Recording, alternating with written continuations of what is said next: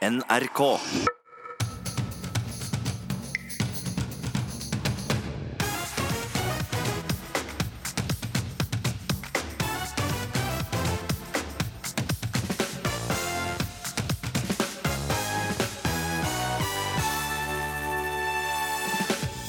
Prinsesse Märtha Louise dropper prinsessetittelen i kommersielle sammenhenger fremover. Men hva betyr dette i praksis? Og politiet og Anne-Elisabeth Hagens familie ja, de har to ulike teorier om forsvinningssaken på Lørenskog. Så sies det klart at Anne-Elisabeth Hagen lever. Vi anser det mest sannsynlig at vi står ovenfor et drap. Vi spør i dag hva skal vi tro? FNs klimapanel ja, de sier verden nå må produsere mindre kjøtt. Gunhild Stordalen kommer straks og forteller deg hva du må endre ved kostholdet ditt. Velkommen til ukeslutt denne lørdagen, hvor du også skal få møte Sonja. Hun er et av 105 000 norske barn som lever i fattigdom. Hun og familien har ikke hatt råd til en eneste ferie denne sommeren. Mitt navn er Synnøve Svabø, og ja, jeg sitter klar med en aspirin i baklomma og flunkende ny vase på bordet fram til klokka blir to. Så da, denne uken så har prinsesse Märtha Louise igjen stjålet eh, overskriftene. I mai var hun i hardt vær etter at hun offentliggjorde den kommersielle turneen The Princess and the Shaman. Da sa hun dette til TV 2 om hvorvidt hun ville si fra seg sin tittel. Is that something you consider? Uh, that's not something I consider. I am part of that family, and uh, and it'll stay that way. I'm always part of that family. Men onsdag så kom altså en eh, kongelig kontrabeskjed. Prinsesse Märtha Louise skal altså allikevel ikke lenger benytte prinsessetittelen sin i kommersiell sammenheng, men kun når hun representerer kongehuset. Um, Vidar Udjus, politisk redaktør i Fedrelandsvennen. Allerede 15. mai så skriver du på lederplass i avisen din 'Gi fra deg prinsessetittelen, eh, Martha', og setter med det eh, fyr på debatten. Tre måneder tok det. På tide, sier du kanskje? Eh, ja, jeg syns det var en klok eh, konklusjon som hun og resten av, kongefamilien har, uh, har, kommet til. og Jeg tror egentlig ikke de hadde noe annet valg heller. Jeg tror Den, uh, den meldinga som hun la ut i sosiale medier, den er logisk og fin og til det beste for både kongehuset og for prinsessa. Har det vært en enstemmig beslutning, tror du? Eh, jeg synes det er veldig interessant når du spilte det klippet du gjorde der ifra, ifra utgangspunktet ca. tre måneder siden, hvor det var helt uaktuelt å diskutere denne problemstillinga. Og så gikk det jo ikke så lang tid før kronprinsen var ute og sa at dette vil vi gjerne diskutere. Og så går det da en knappe tre måneders tid, og så har de falt ned på en annen konklusjon. Så eh, jeg vet jo ikke, men sett utenfra så tyder jo de klippene på at det har vært en, eh, ja, en, en litt vanskelig diskusjon internt i familien, kanskje. Prinsessen selv hun ønsket altså ikke å komme hit til ukeslutt i dag. Men vi vet jo at hun når ut til veldig mange følgere, som det heter, eh, også i utlandet, via sine Instagram-kontoer. Hun har to. En ny nå da, eh, hvor tittel ikke brukes, kun til næringsvirksomhet. Martha Louise Intuitive heter den. Den har syv og et halvt tusen følgere. Der er headen 'The Princess and the Shaman' fjernet fra uh, turnéplakaten. Men hvis man går inn på hennes uh, Instagram-konto, som heter Princess Martha Louis, den har altså rundt 130 000 følgere, veldig mange fra utlandet. Der står det fortsatt også, uh, tre dager etter, 'The Princess and the Shaman' på displayet på plakaten. Ehm, hva tenker du rundt det? Er dette her klinkende klart, eller er det fortsatt litt sånn rot og forvirring?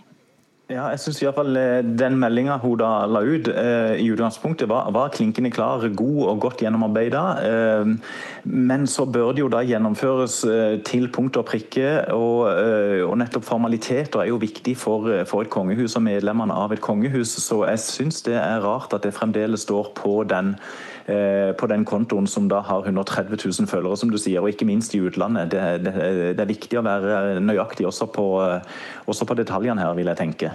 Finn Schjøll, kjent og kjær blomsterdekoratør og venn av kongehuset.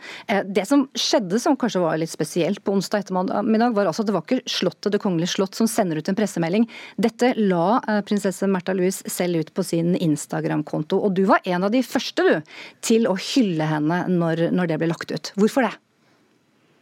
Jo, altså, jeg, jeg, tenker at Hun er akkurat som alle andre unge kvinner. Hun vil jo styre litt av livet sitt selv. Det er jo ikke så veldig rart. Og så er det jo noe med Hun er i en familie som alle har spotlighten på. Og så glemmer vi én ting. Märtha sitter med S-et. Hun er født prinsesse, det kan ingen ta fra henne. Så jeg skjønner ikke. Det er jo det, er det som er nøtta. Altså, hvordan man kan forlange det, syns jeg er vanskelig. altså. Du mener, du mener at Märtha Louise eh, rett og slett er modig og, og nærmest sitter med et S. Fortell litt om det. Ja, hun gjør jo det. Hun har familien sin rundt seg. Hun er født inn i kongefamilien.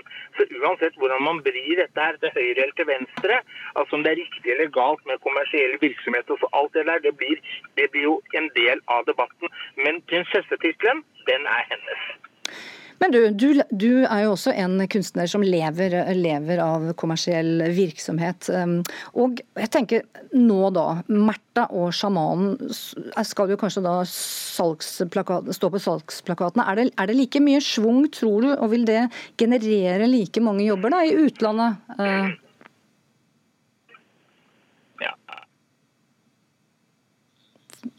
ja, da mistet vi kanskje Finn sjøl. Hva tenker du rundt det, Vidar Udjus? Eh, I Norge så vil hun vel for alltid og evig være en prinsesse, prinsesse Märtha Lie, så, så det er vel ikke i Norge eh, problemene eventuelt vil oppstå for henne?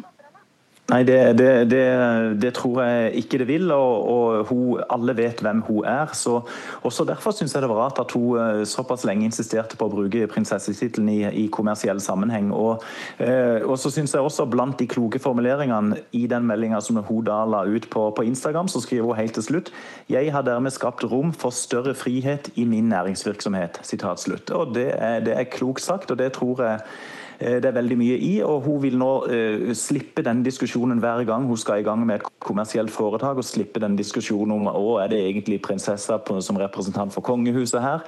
Nei, det er en privatperson, Märtha Louise, som jeg tror de aller, aller fleste ønsker alt godt, også, også kommersielt. Men at det da må gjøres på en ryddig og renslig måte når det gjelder promotering av dette.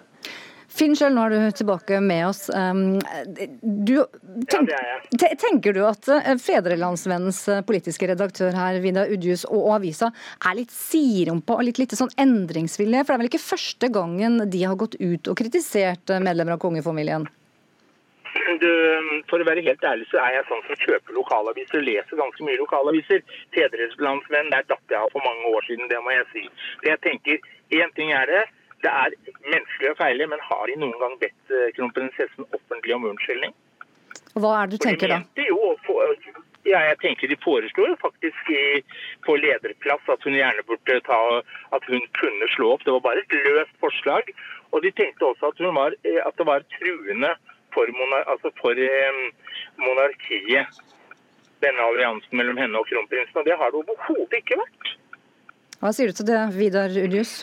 Nei, det, det, er jo å blande kortene veldig. Altså vi, eh, For å ta kronprinsen og, og Mette-Marit, hun kommer jo her fra byen, eh, og jeg tror de aller fleste her syns hun gjør en, en strålende jobb. Eh, men, men, vi må bare skille, skille snørr og barter her. Federlandsvennen har helt siden 1905 så har vi vært en avis som har stått på, på den prinsipielle sida at vi ikke har ment at kongehuset var en riktig statsform. Vi mener at den øverste ledelsen i et land bør velges av folk folket. Men eh, nok om det.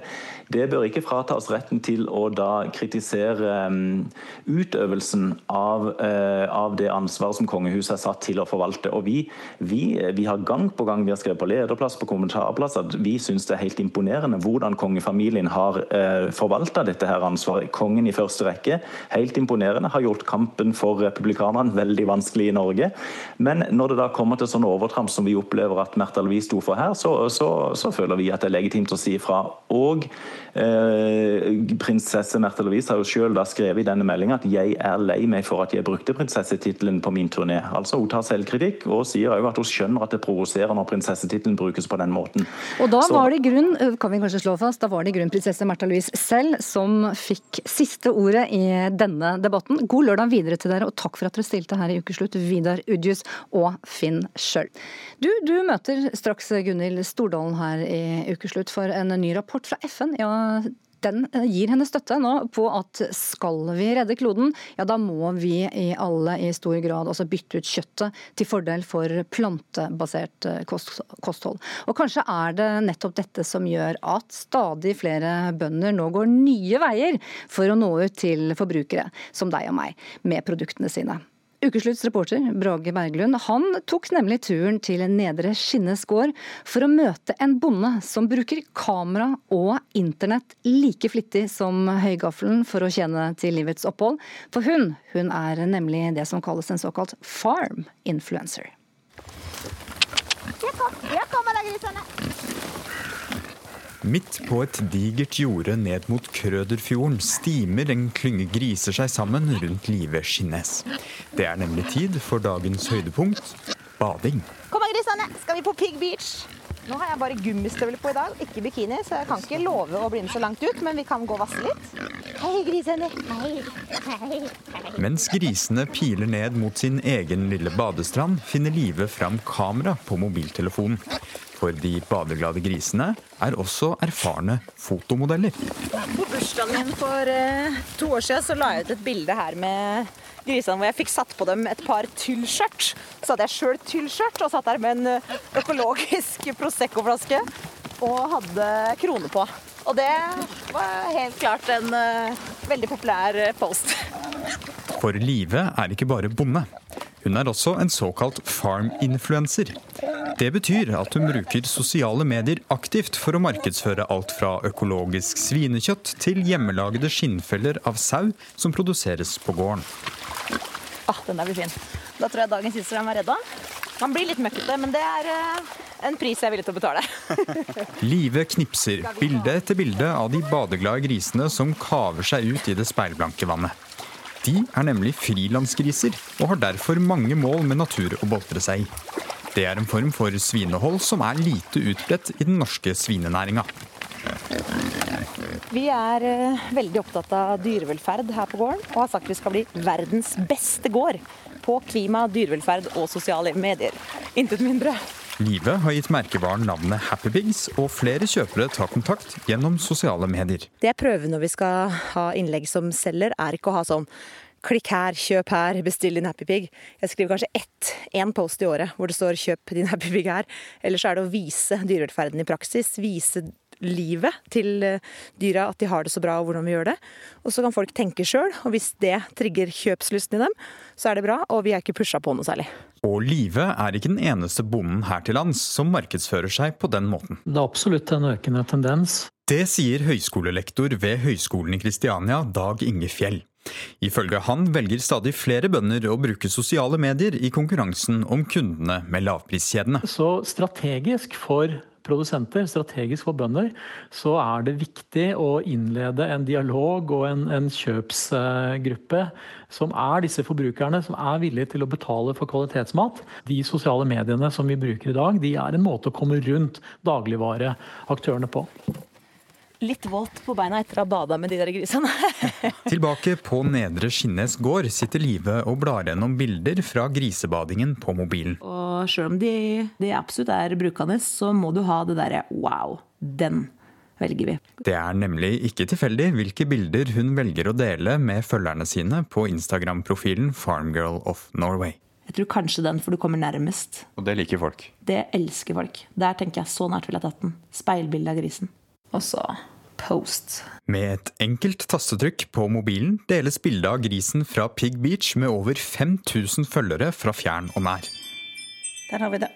Tenk å ha det sånn. Ha gris og ha egen badestrand. Og hun bader sammen med dem. Det er helt utrolig. Det sier Berit Rønhaug Stenerud mens hun titter ned på bildet av den badende grisen fra Skinnes. Jeg møter henne for å finne ut av hva som gjør det så spennende å følge med på farminfluensere som Live. Det å være kvinne, kvinne være bonde, Det er ikke så vanlig. Vi blar oss gjennom noen av bildene som Live har delt med følgerne sine. På et av dem sitter hun avbildet på en hvit hest i omgivelser som skaper assosiasjoner til eventyrenes verden. Hun er jo en prinsesse, da, egentlig. Med langt, lyst hår og når hun rir på den hvite hesten. Men det er, ikke, det, er ikke det, det er ikke det romantiske som fenger meg. Altså, Bonderomantikk er én ting, men eh, det er uh, li livet og det livet gjør. Det imponerer meg. Tilbake på gården trasker vi rundt blant grønne enger og fjordutsikt. Og Live er åpne om at omgivelsene spiller en viktig rolle i markedsføringsstrategien i sosiale medier. Vi sier at dette her er ekte og eventyrlig. Det er blitt litt vår greie. Jeg syns det er morsomme bilder å ta.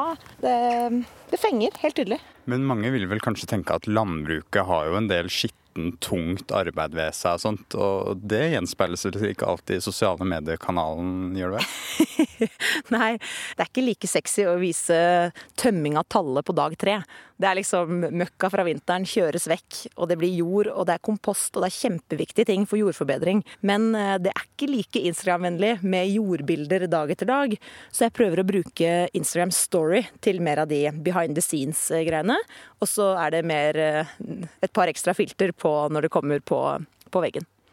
Reporter her, det var Brage Berglund. Og straks, ja da skal vi faktisk høre fra Senterpartileder Trygve Slagsvold Vedum, som akkurat nå eh, driver valgkamp på Eidsvoll. Om fire uker så skal vi stemme i kommune- og fylkestingsvalget.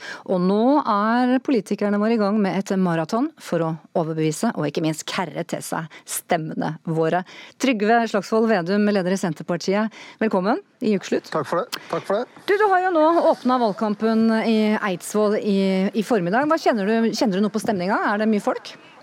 Ja, det er veldig god stemning. Nå har vi, hatt, eh, vi har over 400 arrangementer i dag, så det er rundt omkring i hele Norge. Og vi, vi har jo det som politisk mål at vi skal bruke hele Norge, og da må vi også være nær folk i hele Norge. Da. Så det er masse aktivitet overalt. Og valgkamp er jo ganske koselig, egentlig. For at man eh, møter folk, drikker kaffe, snakker, diskuterer og ha meningsutveksling. Så det er stort sett veldig hyggelig. Ja, så er det valgkampåpning også i dag, men Betyr det at du liksom prøver å få oss til å tro på at dere ikke har drevet valgkamp de siste fire-fem månedene? da? Nei, Jeg har drevet valgkamp i de siste fire-fem åra, egentlig. så, så, så, så, det, vi, ja, det er ikke tull heller. Altså, jeg har vært i alle for eksempel, hatt, Hver eneste uke nå etter jul så har jeg vært på et eller annet fylkesbesøk. og klart, Du lærer og du lytter og du hører, men det er jo litt valgkamp òg, selvfølgelig. Ja. Du prøver jo å få fram standpunktene dine. F.eks. når jeg er på Helgeland, da, som er i Nordland, så, så snakker jeg om uh, hva jeg mener om høyskolesektoren der, og at en skal ha lærerutdanning gjennom politi. og Jeg gjør jo det hele veien. Så du, du finner jo ikke på noe helt nytt i valgkampen. Da, da tror jeg du gjør en dårlig jobb. Men, men hvor sliter du mest, hvis du skulle tenke liksom, hva er det du må sette inn støtet på nå? Nei, det jeg, tror egentlig jeg tror ikke han skal finne på så mye nytt i valgkampen, egentlig. For Han skal bare si det han har ment litt over tid, og så må folk ta stilling. Og Det som er vanskelig, er sånne partilederdebatter og sånn, for der er det ikke alltid dine temaer kommer. Men ellers er det egentlig å møte folk. og For meg så er det jo jeg har jo en utfordring, da, for jeg snakker så mye om hele Norge. og Derfor så må jeg rundt i hele Norge òg. Så det er veldig mye reising. da. Så, at, så jeg er jo helt ekstremt mye på tur. Så utfordringa kan jo kanskje å huske hvor du har lagt deg, hvor du står opp hen. Men, men, men, med de målingene dere har holdt den siste tiden, da, helt helt ærlig til slutt, Trygve Slagsvold Vedum. Eh, skulle du egentlig ønske at valgdagen var nå på mandagen?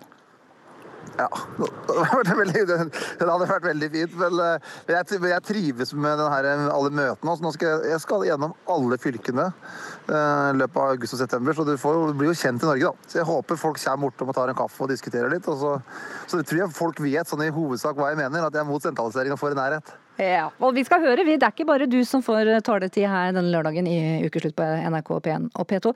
Senere i sendinga så møter du altså fra valgkampen statsminister Erna Solberg. Er du klar for å spise mindre kjøtt? FNs klimapanel de kom også torsdag med en rapport, og beskjeden er krystallklar. For skal vi berge klimaet, ja da har vi alle et ansvar for å legge om kostholdet. Reporter Kari Li hun har vært ute hun og spurt folk om de er villige til å legge om kostholdet og ofre kjøttet. Altså, jeg er tilbøyelig til å endre kostholdet noe, men eh, jeg kommer ikke til å legge om ekte øre. Så du vil fortsatt spise kjøtt? Jeg kommer fortsatt til å spise kjøtt med god samvittighet. Vi har kutta på rødt kjøtt mest, da. Ja, det går egentlig mer i kylling. Men kyllingen, da? Kan du kutte den nå, eller? Ja, vi skal bli bedre. Jeg spiser mer kjøtt. Eller ikke mer kjøtt, men samme antall, samme mengde kjøtt. Fordi jeg, jeg har ikke lyst til å bry meg. Jeg, bare bryr meg ikke. jeg har ikke lyst til å endre mitt, uh, mine vaner. En uh, Meat Free Monday f.eks. er helt fantastisk. Det gjør du, eller? Det gjør jeg. Det er altså ikke alle som ennå er helt klare for å slutte å spise kjøtt for å redde eh, klimaet. Men FNs klimapanel de sier at nå haster det, nå er dette altså et nødvendig klimatiltak. God lørdag, Gunhild Stordalen, grunnlegger av Eat Foundation. Velkommen til ukeslutt. Takk for det. Du, Dette må være en god uke for deg og, ikke, ja, og for dere. Da, for Dere har jo lenge sagt nå at å redusere kjøtt ja, det er en viktig del av klimaløsningene. Ja, og det, denne rapporten kom jo ikke som noen overraskelse. Vi lanserte jo Eat Lancet-rapporten i januar, som sier veldig mye av det samme. Eh, men det som er gledelig, er at klimapanelrapporten faktisk kommer fram til samme konklusjon. Og det den egentlig sier, er jo det at å forandre hva vi spiser og hvordan vi produserer maten vår, er like viktig for å nå Parisavtalen på klima som det å fase ut fossil energi. Og det er også helt avgjørende for å nå FNs bærekraftsmål. Så Det betyr at det er nå bred vitenskapelig enighet rundt hva vi må gjøre. Så Det store spørsmålet er jo nå vil politikerne og næringslivet som nå har denne kunnskapen, vil de nå handle basert på fakta? Er du overrasket over at eh, klimapanelet kommer med disse anbefalingene i denne rapporten nå? Nei, altså forskning tar jo tid. og har jo en, Det har jo vært en serie av mange forskningsrapporter, eh, større og mindre, eh, så sagt, eh, som, viser, som peker i denne retningen. Vi er nødt til å forandre hva vi spiser og verdens matproduksjon. Ikke bare for å avverge den helsekrisen vi står oppe i, der én av tre mennesker i verden i dag er feilernærte og kosthold er, en, eh, er, den viktigste risikofaktoren for, eh, for, sykdom og for tidlig død. Men der også matsystemet fører til enorme miljø- og klimaproblemer. Ja, si litt mer om det. Hvordan hva vi spiser altså påvirker klimaet? Ja, Her ligger jo noe av problemet. for Det handler jo ikke bare om hva vi spiser, men også hvordan vi produserer det, og ikke minst hva vi kaster. Så med andre ord så er det Problemet ligger rundt hvordan hele matsystemet er bygget opp. Eh, men, men hvis vi skal liksom begynne å, eh, å, generalisere litt, og hva vi faktisk bør spise, så bør vi spise lenger ned i næringskjeden. Fordi eh, mat, særlig fra, eh, fra, dyr på landjorda, og særlig rødt kjøtt, har veldig høye miljøavtrykk og klimaavtrykk per porsjon sammenlignet med andre matvaregrupper. Men det er også her så er det store forskjeller. F.eks. For hvitt kjøtt som kylling og fisk og sjømat har mindre påvirkning. Så, men plantebasert kost kommer best ut, og det er også det som forskningen viser at er best for helsa. Så det er masse vinn-vinn-muligheter her for å spise som noe som både er bra for oss og bra for planeten. Og det er fullt mulig. Gunhild Stordalen, jeg må også spørre deg. Altså, landbruket er jo en utrolig viktig næring for mange i norske samfunn. Eh, hvordan skal landbruket nå endre seg i takt med dette? Jeg vil jo si at bønder og landbruket har aldri vært viktigere. og og dette her kan være en stor del av klimaløsningene også. Det handler ikke bare om å redusere utslippene fra Eh, fra produksjonen, men også om at matsystemet skal faktisk ta opp og lagre karbon, bl.a. i jord og skog.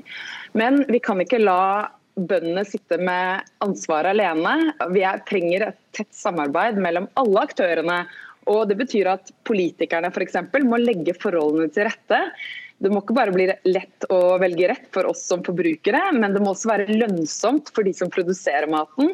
Og Da trenger eh, politikerne å tenke gjennom hvordan de eh, utformer subsidier og støtteordninger og reguleringer for å hjelpe den nødvendige omstillingen.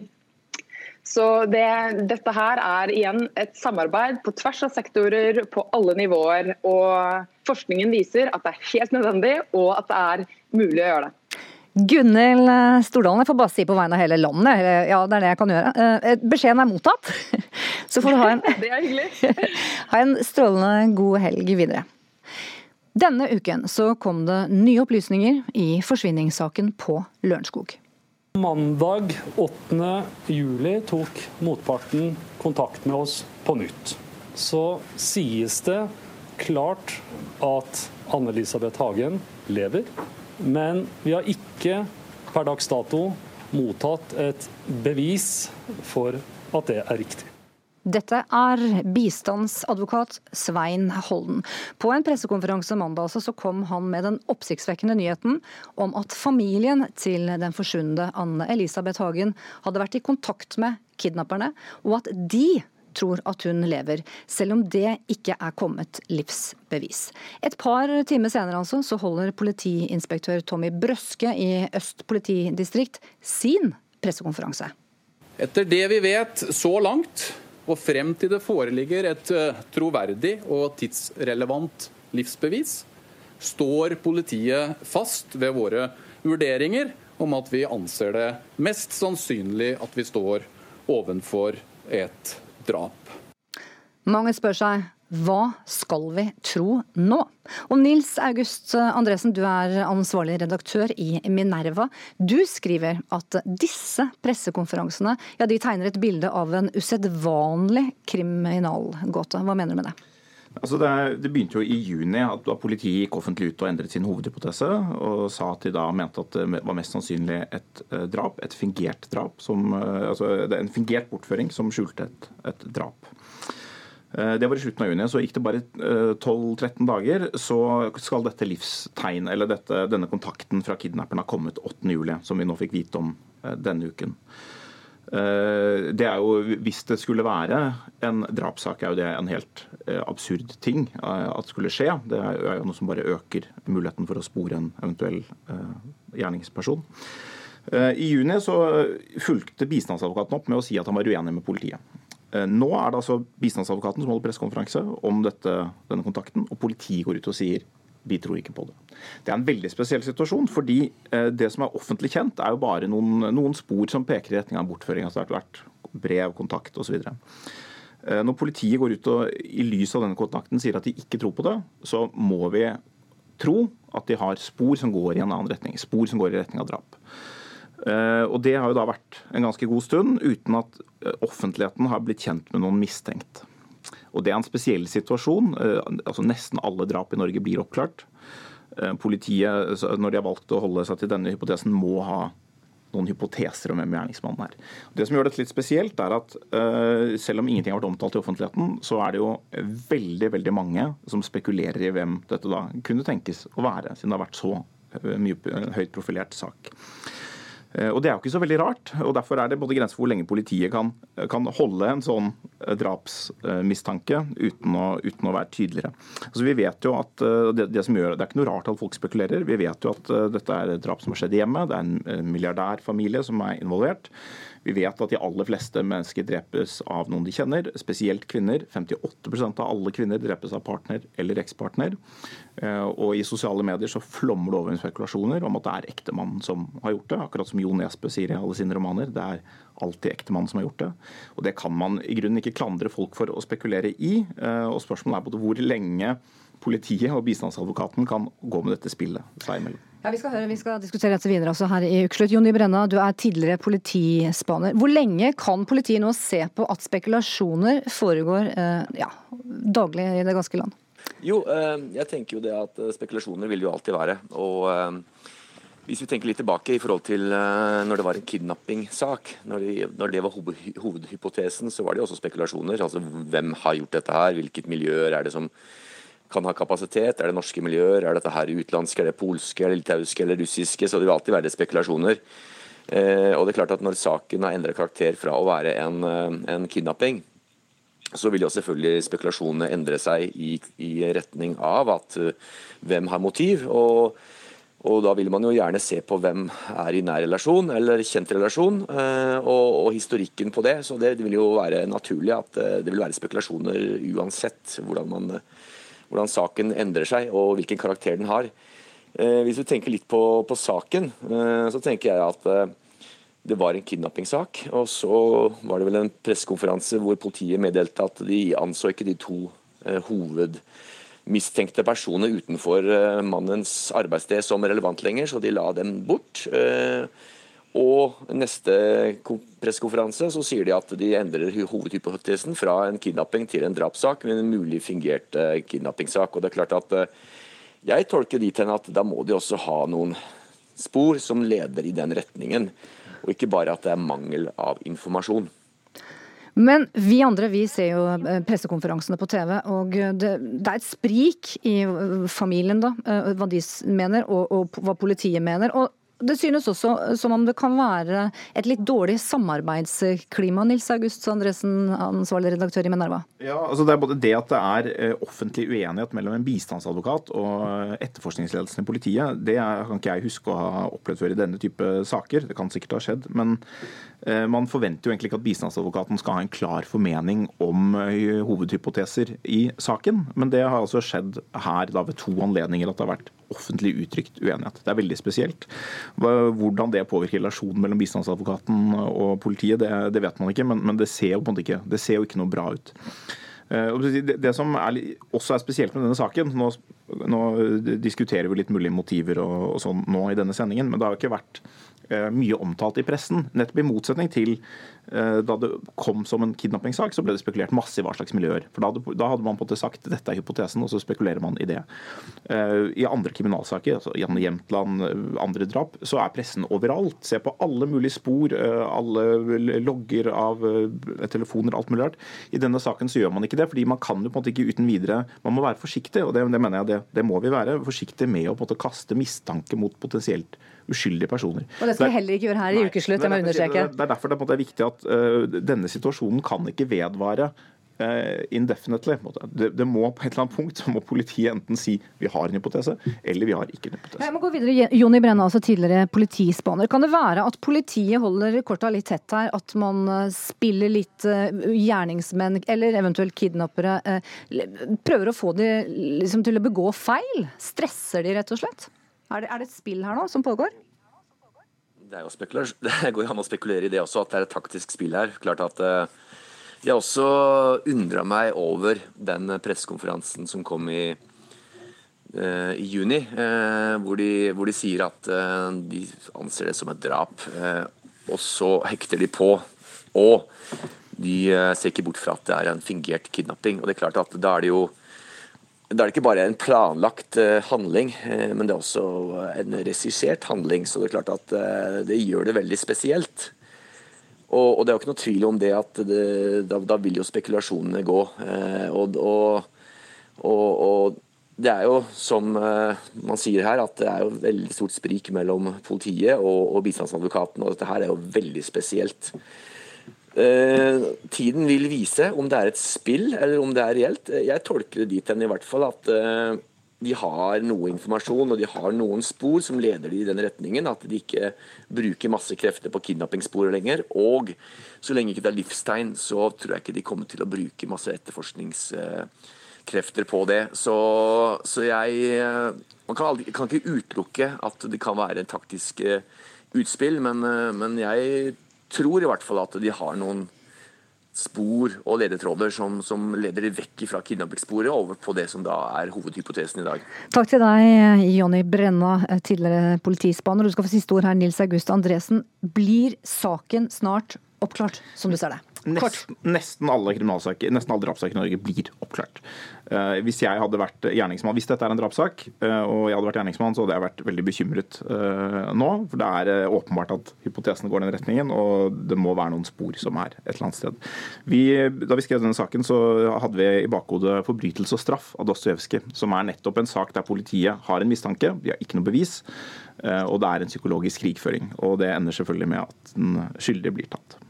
Takk for at du altså kom hit til ukeslutt. Så skal vi eh, høre da at stadig flere norske barn vokser opp i fattigdom. Og hva ville du sagt hvis alle vennene dine hadde vært på dyre ferier i inn- og utland i sommer, mens din egen familie ikke hadde råd til noe, men måtte eventuelt ta imot veldedighet? Dette er realiteten for over 105 000 norske barn. Det viser altså ferske tall fra Bufdir.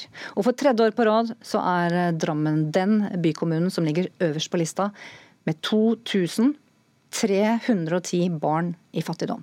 Og ett menneske bak disse tallene, ett av de, det er deg, Sonja. 14 år fra Drammen. Velkommen til ukeslutt. Tusen takk. Du, hva, kan du beskrive, hva har du gjort denne sommerferien? I denne sommerferien her så har jeg badet oppe på Stordammen.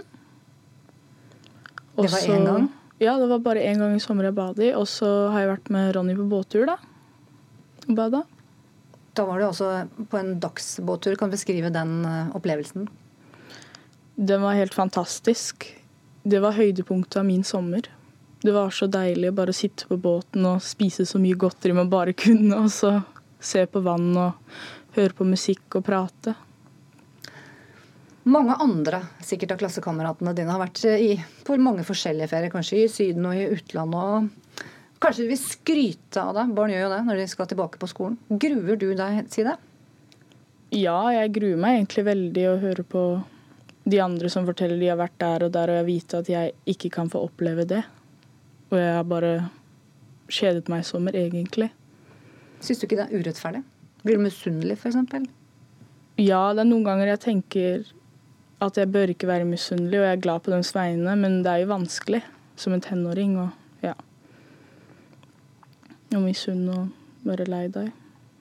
Du nevnte, vi skal bare kort innom deg, Ronny Johnsen. Du ble nevnt her, bare så vi setter deg. Vi skal høre mer fra deg. Men du er altså organisasjonsleder for Rett fram opplevelser og har i hele sommer Du, du har jo drevet med veldedighet i mange år. Og om sommeren så har du også båttur i ti, ti uker eh, i feriene?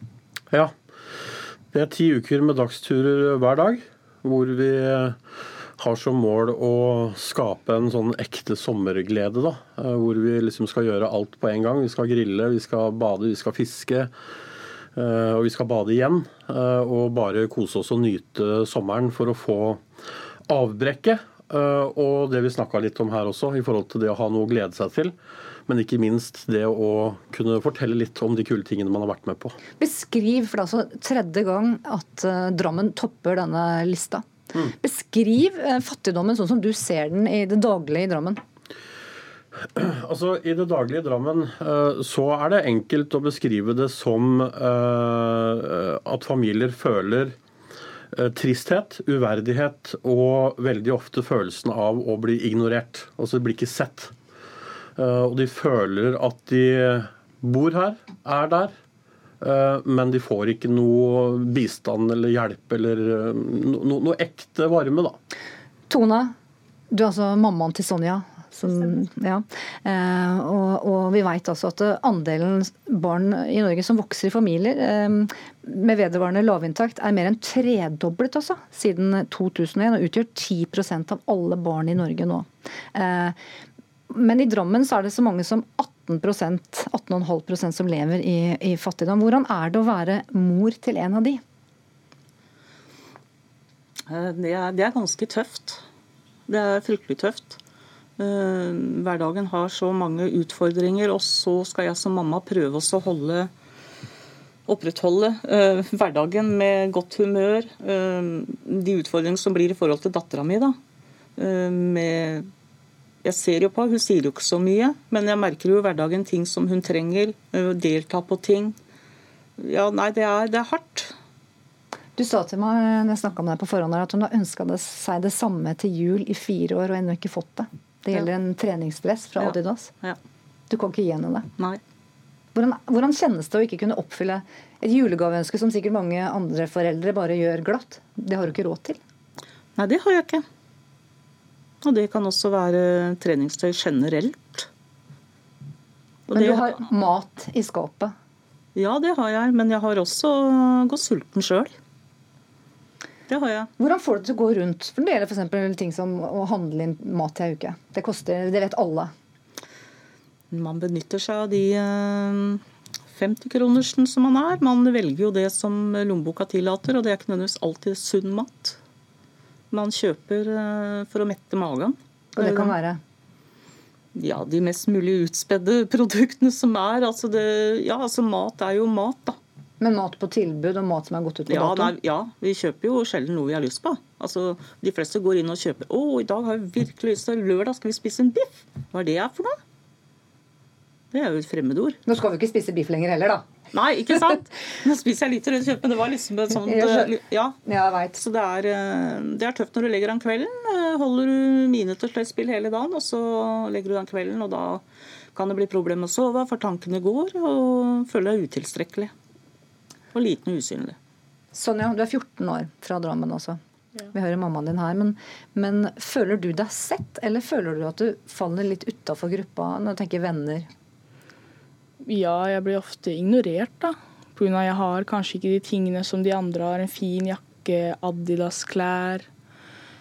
Kanskje perfekte, de perfekte par skoene, smykkene, hårpynten. Så det blir litt sånn men du sier også at du ser andre unge som har masse penger. Jeg er ikke sikker at man blir lykkeligere og kanskje ikke flink til å se, se verdien av de pengene. Det er sant.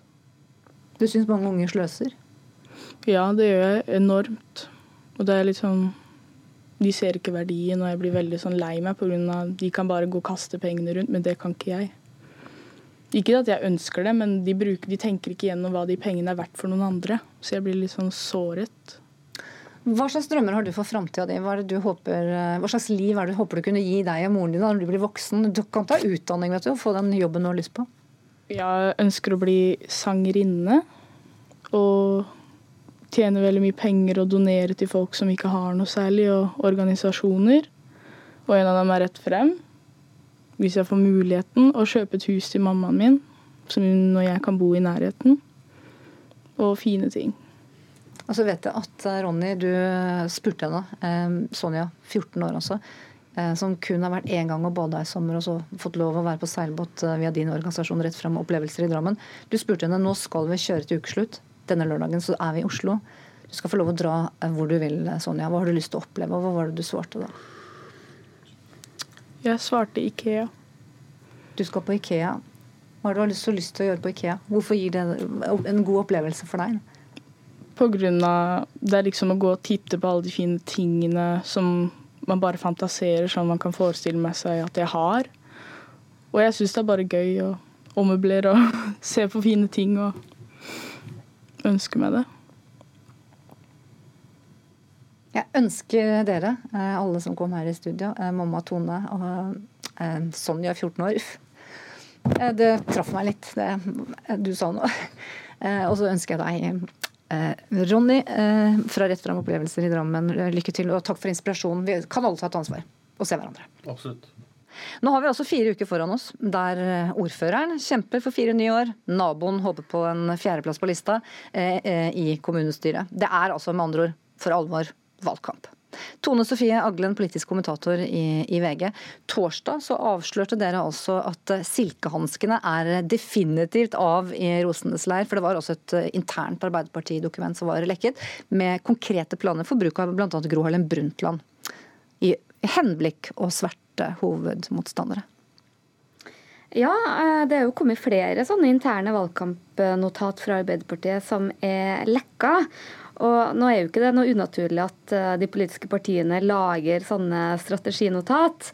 Eh, Utfordringa er jo at eh, når det kommer offentligheten for øye, så ser det sjelden særlig pent ut. Særlig når det handler om å sverte noen andre. Men lekker mye spesielt i VG. Hvor er, hvor er krana, for å si det sånn, fra, fra partiene og inn i redaksjonen din?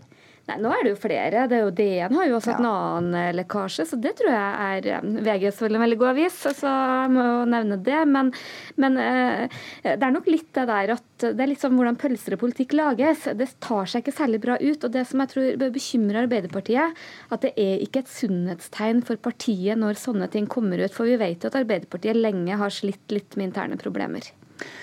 Er det naivt å tro eh, Tone Sofie Aglen, at uh, ikke dette også skjer i andre partier? En sånn type desperasjon da, med disse ja, litt skitne planene, kan vi si at kanskje vanlig, van, vanlig mann i gata tenker når man ser sånne notater? Jeg tror nok jeg ville vært mer bekymra for de partiene som ikke ikke har uh, ulike strategier. Men så den desperasjonen da i planene handler jo veldig mye om uh, uh, hvor gode kort de har på hånda. og Det er ikke noe tvil om at Arbeiderpartiet, sammen med andre partier, kanskje har et dårligere utgangspunkt. Det er nok lettere for de politiske partiene som har valgvinden med seg, å fokusere på sin egen politikk istedenfor å ta motstanderen. Sigbjørn Aanes partner nå i First House, men mange år i høyre hånd med gode kort på hånda for Erna Solberg, det må vi si, i mange ja. valgkamper. Um, ja, for det har vært sentral i, i Høyres valgkamp gjennom år. Og Hva tenker du det er nå, dette spillet og strategiet? Hva er, det, hva er det norske politikere gjør når annerledes disse ukene inn i valget? Det, det, første er jo intensiteten. Nå ser du jo alle politikerne ute samtidig, og når det er lokalvalgkamp, så er det jo lokalpolitikere og kandidater over hele landet. Så nå er det jo bare å forvente seg fire uker hvor vi skal se politikk og politikere både komme på døren vår, og ikke minst så skal de også eh, Får vi se det på sosiale medier og alt annet. Så nå byr de seg fram enda mer enn de gjør vanlig. Og Hva er da det verste som kan skje en norsk politiker, altså nå disse fire ukene fram mot valget, eller hele dette året her, da, opp mot et valg?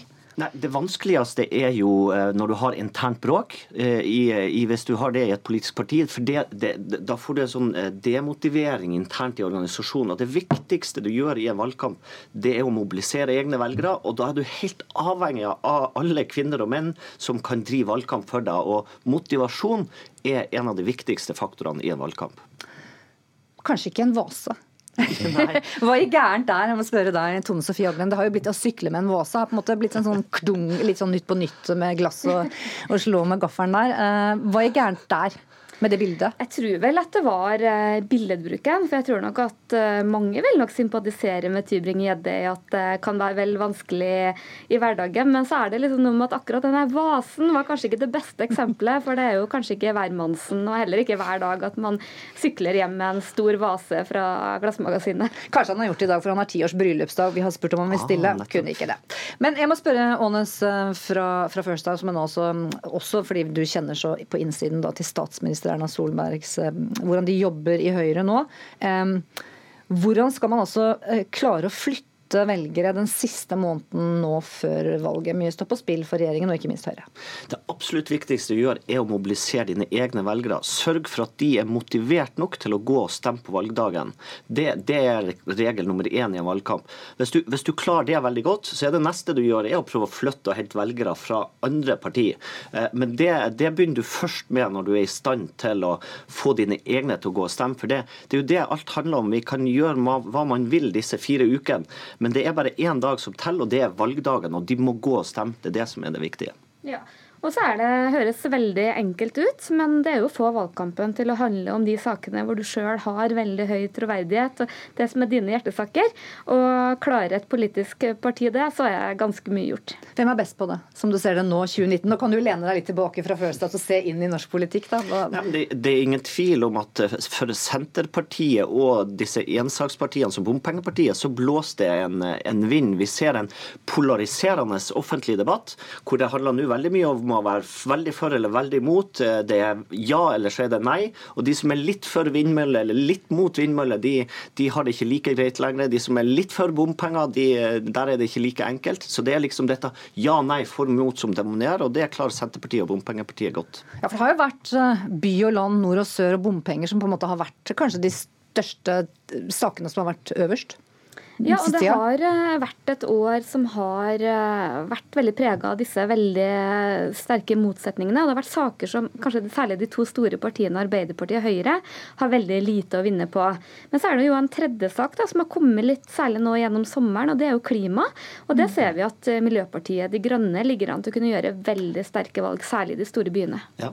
Nei, det er ikke noe tvil om at klima står enda høyere denne valgkampen enn det har gjort tidligere. Og når du får en sånn bompengedebatt, stat, så er det ikke bare bompengepartiet som tjener på den. Men på andre sida vil det mobilisere for type MDG og de partiene som er veldig tydelige på at dette trenger vi nettopp av hensyn til klima. Sånn at det, det, det er derfor den polariseringa eh, de, som, de tjener på den, mens eh, Høyre og Arbeiderpartiet i midten, de, de sliter nok mer i en sånn valgkamp så blir det jo spennende å se. fordi at Både Høyre og Arbeiderpartiet har ganske sterke valgkampmaskinerier. Og de har desidert flest mennesker av de alle partiene, så de bruker å være gode å drive valgkamp. Disse panser, Du hører nesten lyden ja, nå. Du hører, ja. du hører at de rulles, rulles ut nå, ut. hele landet. Eh, men de rulles først til Arendal. For mandag så starter altså Arendalsuka. Man forventer 70 000 besøkere. og Det dreier seg om politikk, organisasjon, samfunnsliv døgnet rundt. Skal dere dit? Ja. Det skal vi. Dette er, jo, dette er jo Øyafestival for politisk interesserte, ikke sant?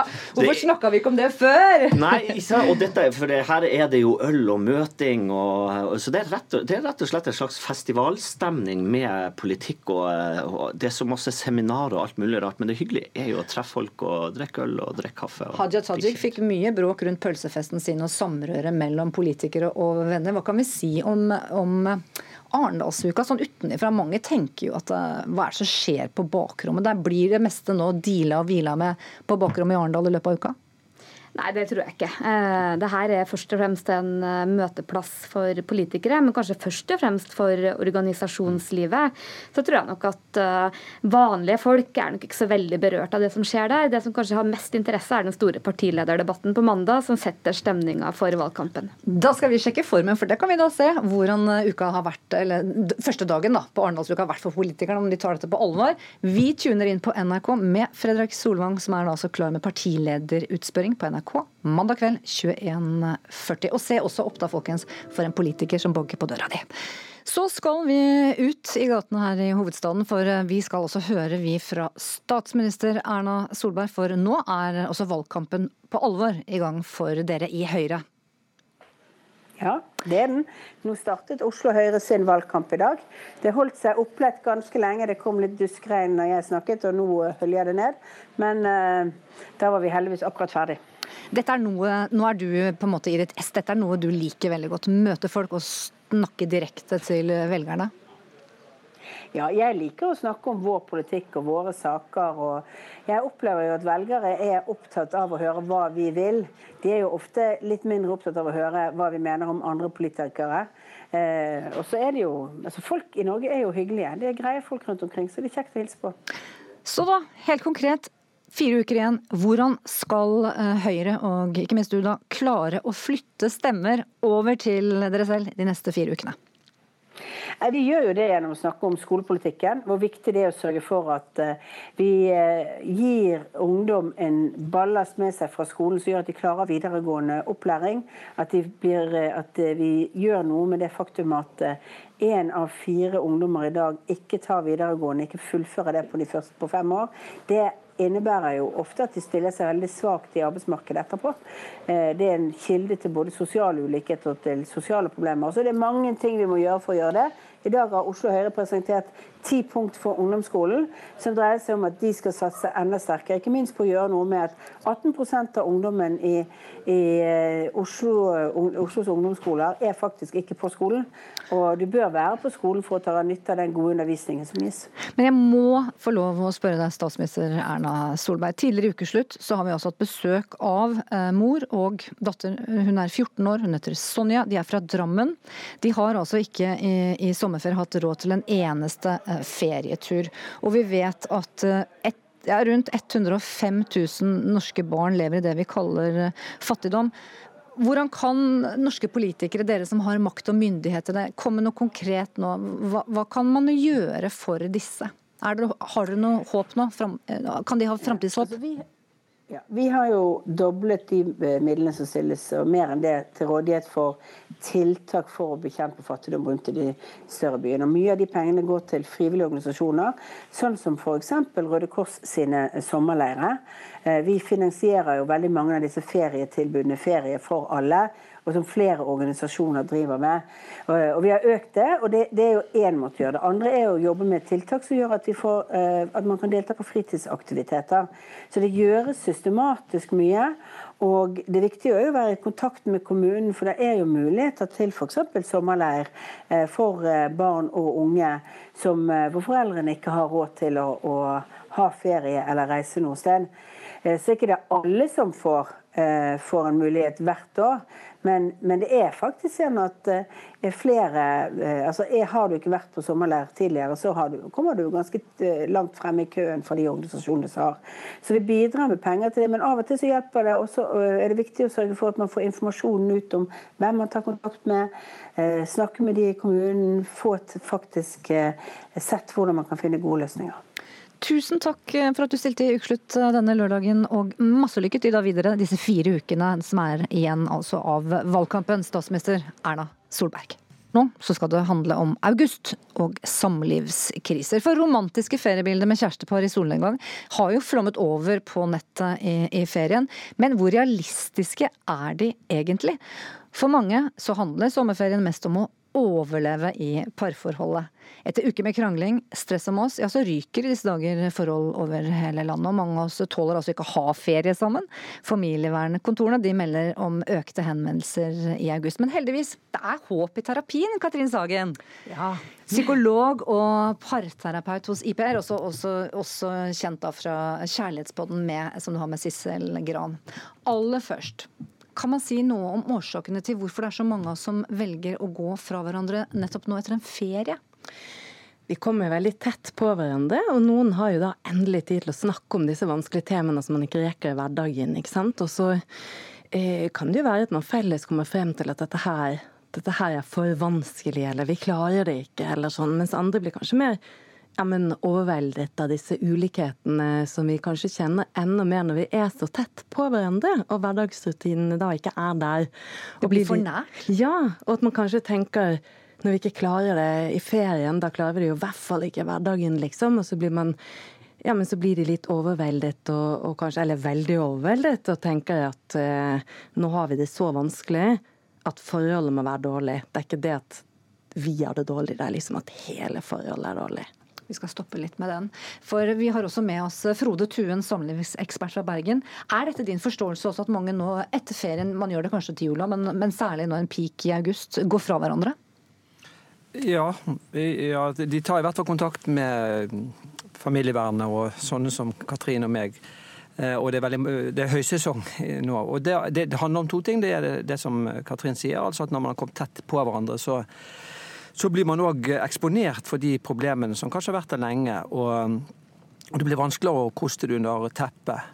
Det andre er jo at det ofte er et slags etterslep. Altså Folk som i utgangspunktet kanskje hadde tenkt, for, tenkt på å gå fra hverandre eller begynne i terapi, Eh, men så ville man da vente til ferien. altså Man har bestilt ferie på lang tid på forveien, og barna har sett frem til ferien. og Man vil ikke begynne å, å, å rote opp i, i, i samliv og familielivet like før ferietid. Men da kommer man for fullt eh, ut i august og september. Katrin Sagen, er det, uh, psykolog, er, er det noen som som tar valget først? Altså er, det, er det, kan man si noe sånn, er det viser statistikk om det er kvinnen, om det er mann? Og hvilke grunner oppgis oftest? Mm.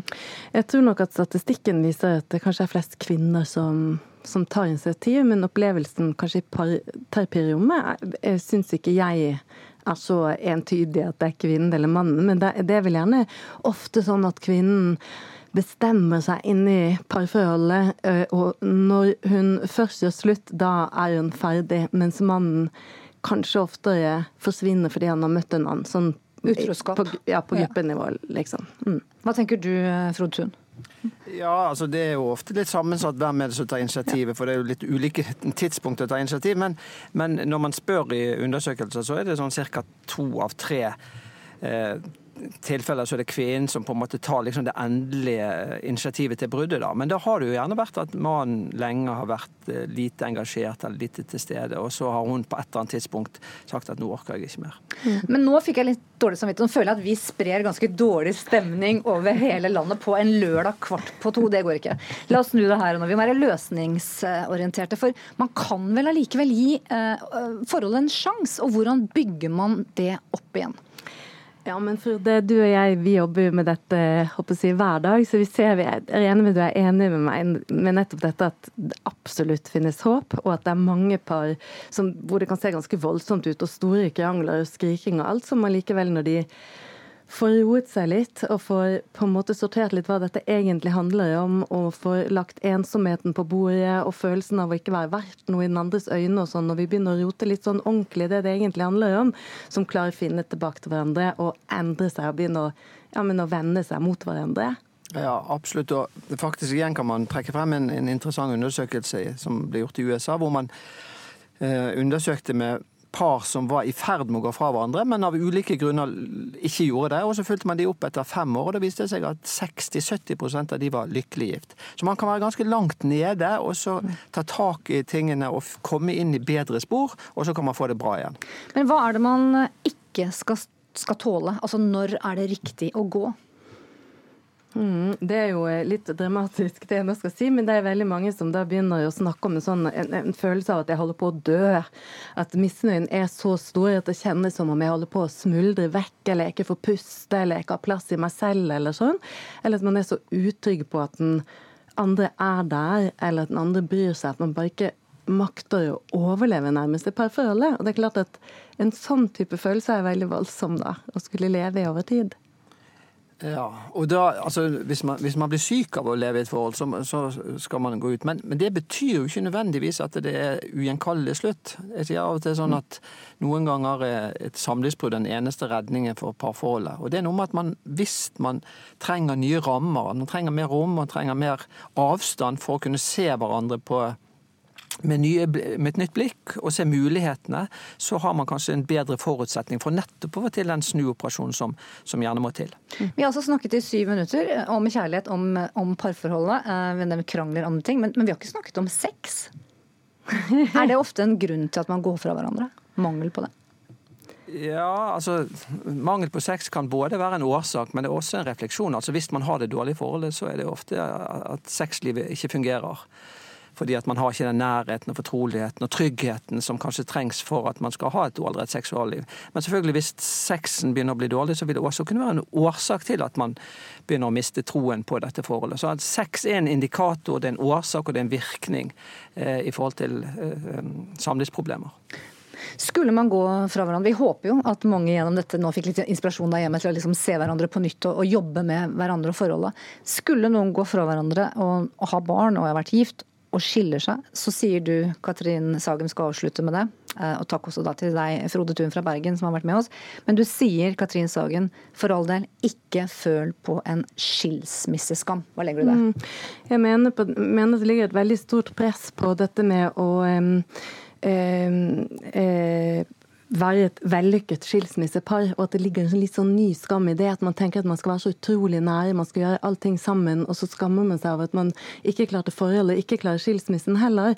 Og jeg mener at det viktige må være å sette barna først, hvis man ikke klarer å leve sammen, og sørge for at eh, belastningen blir minst mulig på barna. Og da trenger man ikke å være sammen hele tiden, for man har tross alt skilt seg. Da er det bare å takke for seg. Det er ansvarlig for sending har vært Mathias Rolighet Bergseth. Teknisk ansvarlig denne lørdagen Erik Sandbråten. Og i studio her Synnøve Svabø.